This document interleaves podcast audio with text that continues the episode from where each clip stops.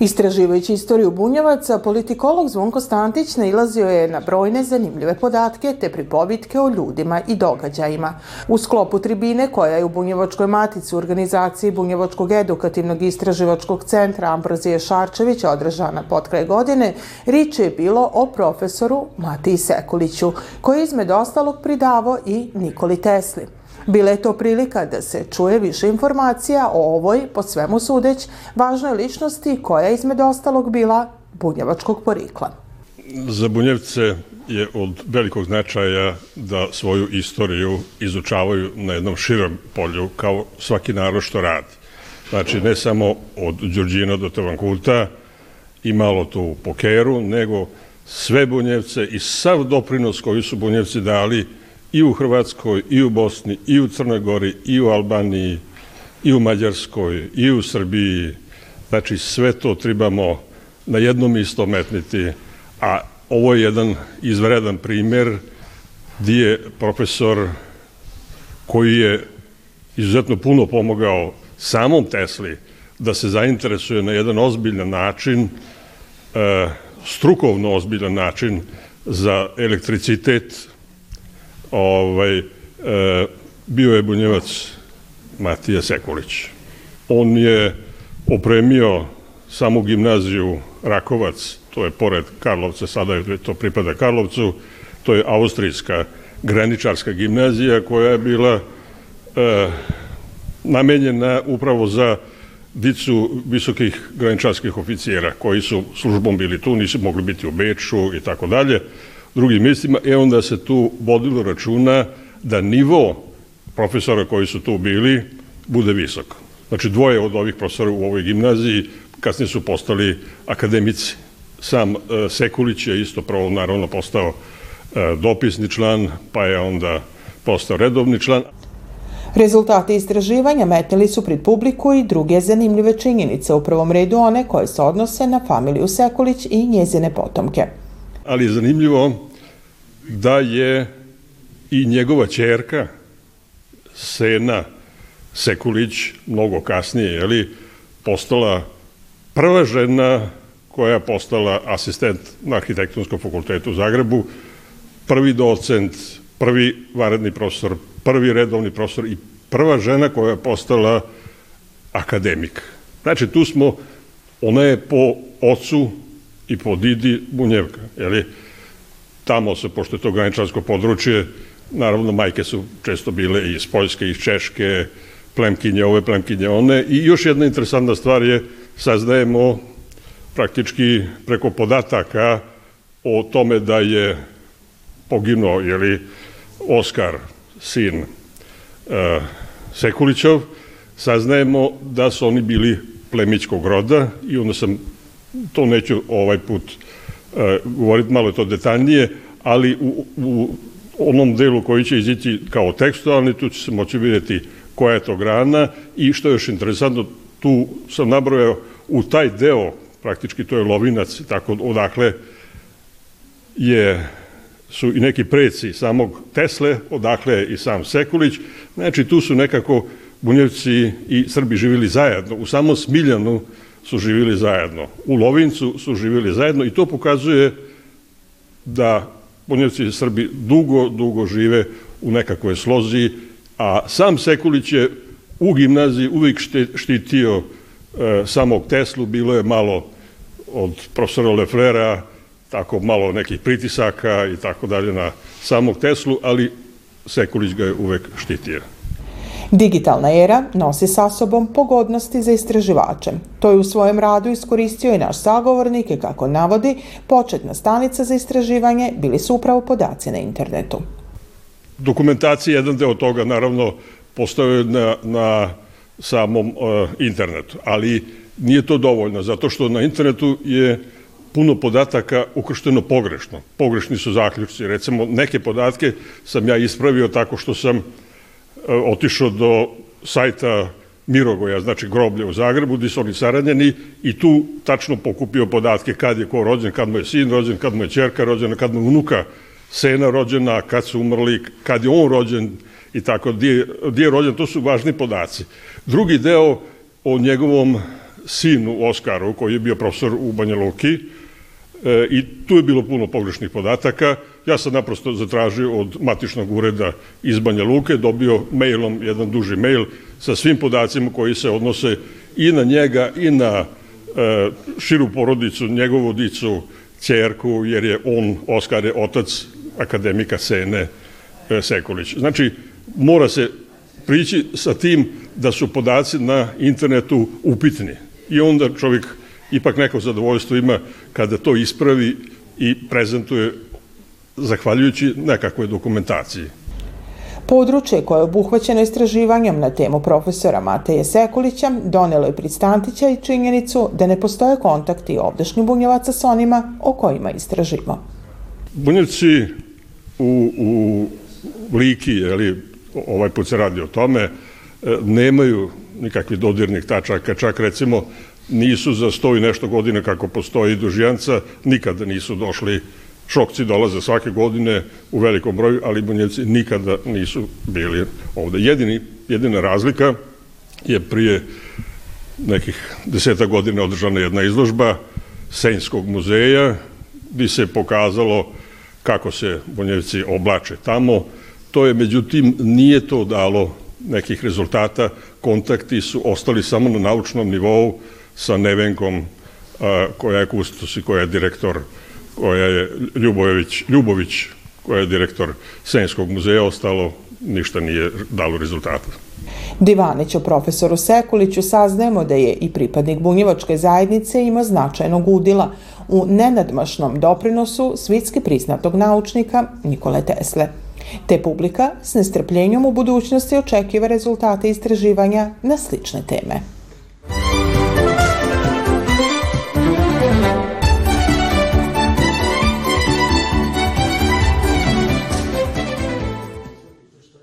Kraj godine, po tradiciji, je dono i novo izdanje bunjevačkog kalendara, ovog puta za pristupnu 2024. godinu. Dobro poznat sadržaj ovog izdanja donosi prid čitaoce i teme koje su obilužile posljednjih godinu dana u bunjevačkoj zajednici, ali i druge vrste tekstova, u prvom redu stručne, te stranice namijenjene poeziji i prozi na ikavici. Sve to čitaoci će pronaći u 30. primjerku bunjevačkog kalendara u izdanju Bunjevačkog kulturnog centra iz Subatice, odnosno 31. ako se računa prvo izdanje koje je zapravo reprint kadgodašnjih kalendara. I ovog puta kalendar ko urednik potpisiva Miroslav Vojnić-Hajduk. Kalendar je inače kao i svaki drugi ima onaj svoj e, tradicionalni kalendarski deo katolički pravoslavni, pa onda himna e, Republike Srbije, bunjevačka svečana pisma i pregled aktivnosti bunjevačkih udruženja ko je poslao, naravno. Onaj ko nije poslao, opet nam tu pomogao Bic, pa smo svako uh, ona zbivanja koja se dešavala mi nekako propratili i stavili. Uh, ono što je i dalje jako važno, to je da je i dalje uh, gospodin Vasa Isakov, doktor Vasa Isakov, viši naučni saradnik, poslao prelep tekst, jer on je, ja mislim, zaslužio jedan znameniti naučni na nivou možda i Balkana, možda i šire, čiji tekstovi su uvek rado čitani i ono što je najvažnije, to je savjet svim našim ljudima koji se bave poljoprivredom šta i kako raditi. Nisu izostali ni pesnički, prozni radovi naših bunjevaca amatera.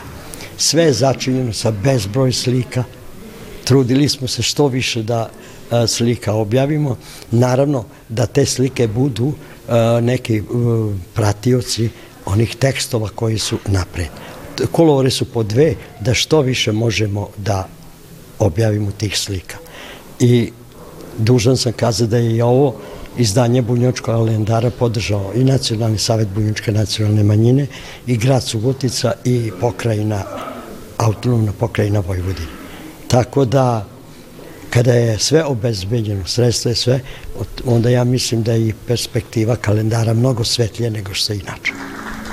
Aktualni bunjevački kalendar predstavljen je u Bunjevačkoj matici, koja je i su izdavač izdanja. Tom prilikom prisutne pozdravio i predsjednik matice Veljko Vojnić, koji je istako kako izlaženje kalendara predstavlja nastavak rada na očuvanju jezika i kulturne baštine bunjevaca.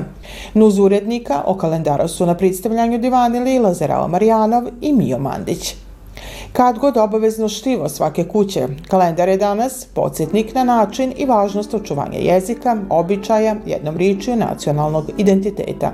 Od sami početaka izdavanja ovog kalendara prati i Nikola Babić, prvi predsjednik Bunjevačkog nacionalnog savita, koji je i ovog puta bio rado svrnice na tradiciju izlaženja kalendara u Bunjevačkoj zajednici i njegov značaj.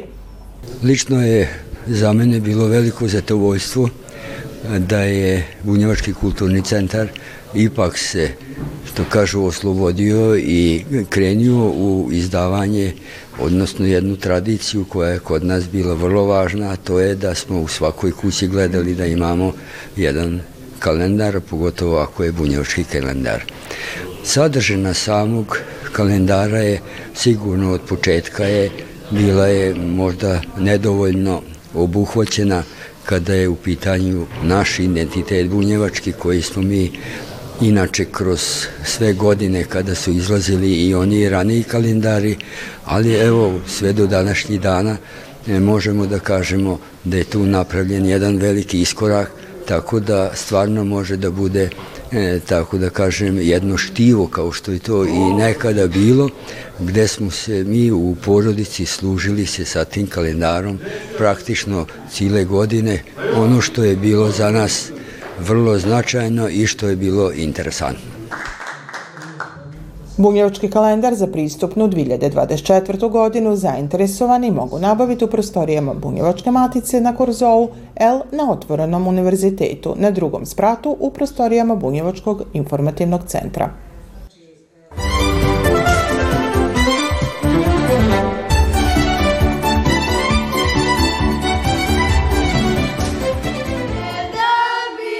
Obilužavajući svoj jubilej više od dvi decenije uspješnog postojanja i rada, Gradsko kulturno-umetničko društvo Ravangrad iz Sombora održalo je serijal koncerata i prikazalo raznovrstan program, igre, pisme i nošnje nacionalnih zajednica kako Somborske varoši, tako i regiona. Treći koncert pod imenom Čuvari tradicije istako je bogatstvo narodne tradicije življa Somborske opštine koje se u ovom dilu Bačke niguje lepota je u različitosti. Mislim da ovu misiju želimo i nadamo se da, da će nam biti dobri domaćini i u seoskim domovima kulture, gde će i živalj sa sela koji nema prilike da dođe da vidi u suštini bogatstvo koje Sombor ima. Sombor je, e, koliko sam je evo, o ovom društvu 20 godina, jedna od redkih sredina u Srbiji koja ima naj raznovrsniju i najlepše izvorno stvaralaštvo gde je okupljeno sa svih prostora bivše Jugoslavije. Kako je odića simbol identiteta osobe i zajednice, bogatstvo i pripoznatljivost pripadnosti određenoj nacionalnoj zajednici, to su upravo i prikazali članovi Ravangrada i brojni gosti iz Somborskih sela. Lička nošnja je prepoznatljiva pre svega po beloj marami koju su žene ili devojke nosile, po torbi koja se inače nosi na leđima, po suknji vuštan i po kratkim e, natikačama koje su žene inače nosile. Ja sam večeras predstavljao staparsku nošnju i ono što ovaj, karakteriše ovu nošnju jeste što ovaj, E, imamo prsluk ljubičasti e, kod ženskih i kod muških. Predstavili smo svečanu zimsku devojačku nošnju i nekoliko različitih, različitih ženskih tipova narodne nošnje iz kukulice.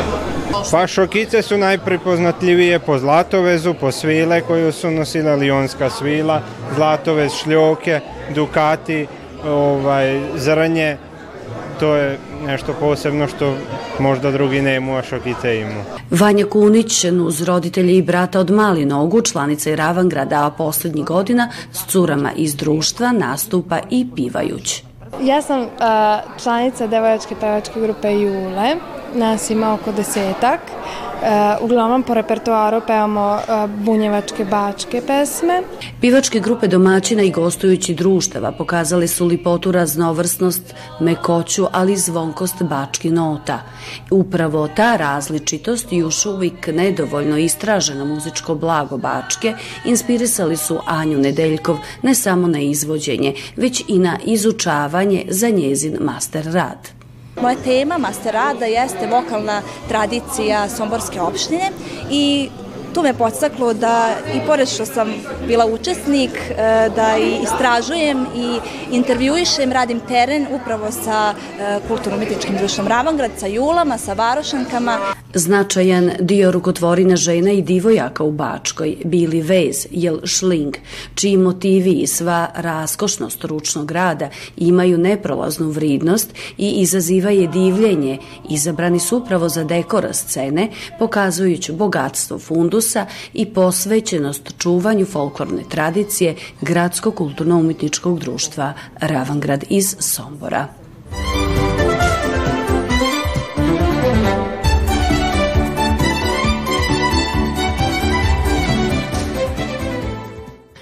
Najuspešniji slikar na srpskom art battle takmičenju performansu u slikanju i stvaranju likovnog dila bilo kojom tehnikom za samo 20 minuta je somborac Danil Peršić. Pobednička slika je bila a, a, dubina života, kao oko ogledalo duše. A, predstavlja a, jednu dubinu našeg srca, nešto što naš život nosi i naravno u zenici se vidi dvoje ljudi, da li je to par ili su to dvoje dece, neko sasvim na svoj neki način, ovaj, to bi u principu je neka vrsta uh, ljubavi, dobrote, uh, nekih lepih trenutaka, emotivnih, tako da to predstavlja ta slika, jer to se sve vidi u našim očima. Takmičenje se odvijalo u 80 gradova, a nakon plasmana među 12 najbolji, Daniel je proglašen ukupnim pobjednikom. Smatram da je konkurencija izuzetno jaka jer su od 12 uh, art battle koje su dovoljili bili su 12 najboljih. Uh, slike koje su to veče nastale, znači izuzetno su dobre, kvalitetne, uh, to je bilo izuzetno i uh, već priznatih i već uh, jakih slikara, da je meni izuzetno velika čast što sam sa njima imao prilike rame uz rame da slikam. Može da se uradi raznim tematika. Neki slikari izuzetno uspešno urade i pejzaže i portret, uh, evo ja konkretno radim konjsku glavu sa abstraktnom pozadinom na moj način, tehnika akrilulja kombinacija, evo radimo oko. Um, izazov mi je sada da probam da uradim arhitekturu, pošto arhitekturu jako volim da radim i prosto bih želeo da probam da li ja to mogu za 20 minuta da uradim. U svom umjetničkom stasanju Daniel se radosića svojim mentora, slikara Miloša Pejovića i Pavla Blesića. Um, ono što su oni kao pedagozi ovaj, napravili jeste da nisu vršili uticaj šta ću ja da stvaram, nisu mi govorili koju tematiku da stvaram, ali tehničke stvari su me izuzetno naučili. Čika Paja je ovaj, onako jedan uh, izuzetan i specifičan čovek, uh, gde uvek smo, dok smo provodili neko vreme, zajedno izbijali šale, pričali smo o likovnim delima raznim, pričao sam koliko je važno i da li je važno, pitao sam ga a, za njegovo konkretno mišljenje, da li je to potrebna škola, da li je potrebno, on je rekao, ako imaš zaista da, i ako ga razvijaš, a, ti možeš da napraviš čuda. Do godine u Sjedinjenim američkim državama biće održano svitsko takmičenje u Art Battle, gdje će Daniel Peršić predstavljati Srbiju.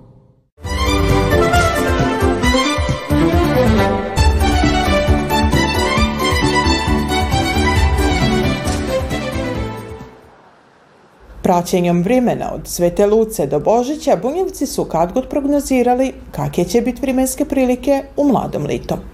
Poslednji 30 godina vrijeme po Lucinom kalendaru procjenjiva i Branko Pokornić iz Bajmaka.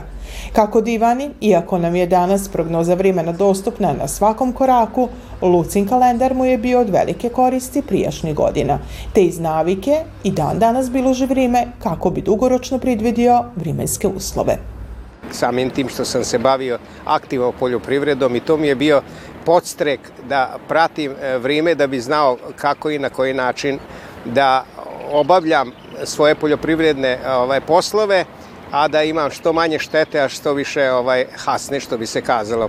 Po ričima našeg sagovornika, kad je rič o vremenskim prilikama, ako je virovat Lucinom kalendaru, godina prid nama biće neizvesna i promiljiva.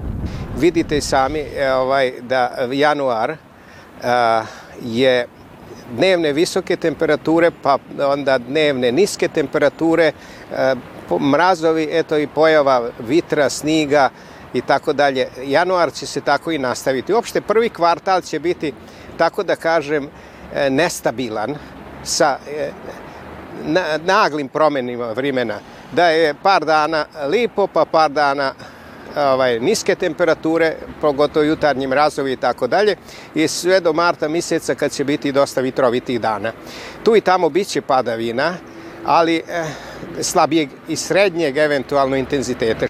Drugi kvartal godine, kraj zime i početak prolića znači i povećan intenzitet radova u polju. Te je iz tog razloga ovaj kalendar važan posebno za poljoprivrednike. Vrime, ono što kaže Lucin kalendar je da će april biti pogodan za e, ranu setvu i moja tako da kažem, e, preporuka je da idemo na ranu setvu zbog toga što će u maju mesecu biti dovoljno i sunca, lepih dana, a bit će i padavina, tako da bi ovaj e, ti usevi mogli, tako da kažem, dobiju e, energije za brzi porast. Jun mesec će biti tako ovaj mesec koji će to sve pratiti, ali će biti već stabilniji sa dosta ovaj visokim temperaturama za to doba godine. Početak lita očekivano donosi i visoke temperature. Nailazi nam veoma vreo juli, avgust, septembar. U avgustu mesecu imat ćemo a, pojava ekstremno visokih temperatura i do 40 stepeni. To je vrlo nepovoljno za upravo, tako da kažem, prolitne usleve. Iz tih razloga možda ta rana setva može da povuče da avgust sačekamo, odnosno e, zadnje dekadu avgusta sačekamo, tako da kažem, malo bolje pripremljeni za te visoke temperature. Početak četvrtog kvartala obilužit će promjena vrimena, padavine, jutarnji mrazovi i generalno nestabilno vrime. U novembru očekujemo i prvi snig i može biti jutarnje mraza, pogotovo je to bitno za ovaj povrtare. I naravno hladan decembar, prvoj dekadi i drugoj dekadi i do minus 10 stepeni. Ono što se svakako da uočiti posljednjih godina jeste činjenica da snig izostaje. Sudeć po Lucijanom kalendaru neće biti drugčije ni ove godine. Da li će biti sniga i koliko, teško je ovog momenta to kazati, ali takve temperature mogu da prouzrokuju i snižne padavine. Još samo da napomenem, u prvom kvartalu biće još u trećoj dekadi, znači u januaru mjesecu, u trećoj dekadi, biće još sniga, ali pomešano i sa kišom i neće, neće biti dugotrajni. Tako da kaže, možda se čak pojavi i početkom februara, ali to je sve beznačajno. Iskustvo od prijašnjih godina meće u prvi plan potrebu očuvanja prirodnih resursa, što je svakako i težnja na globalnom nivou. Kada sumiramo ovo sve, godina će biti vrlo teška, za, pogotovo za proizvođače. Mi e, kako god budemo radili, moramo da radimo tako da sačuvamo vodu koja je došla kroz ove padavine i koja će doći u, u ove, tako da kažem, u prvom i u drugom kvartalu. I treća stvar, ne očekuje se, tako da kažem, da ona bude ekt, ovaj, pozitivna u onom smislu da će biti visokih prinosa. Očekuje se, ja bi to kazao da će biti ovo godina žita i da će žitarice ovaj, ove godine pokušati da koliko toliko donesu bolje prinose u odnosu na prolećne kulture. Pripovitka iz prijašnje minuta odnosi se na područje u kojem je vrime posmatrano na osnovu Lucinog kalendara, odnosno Subaticu s okolinom.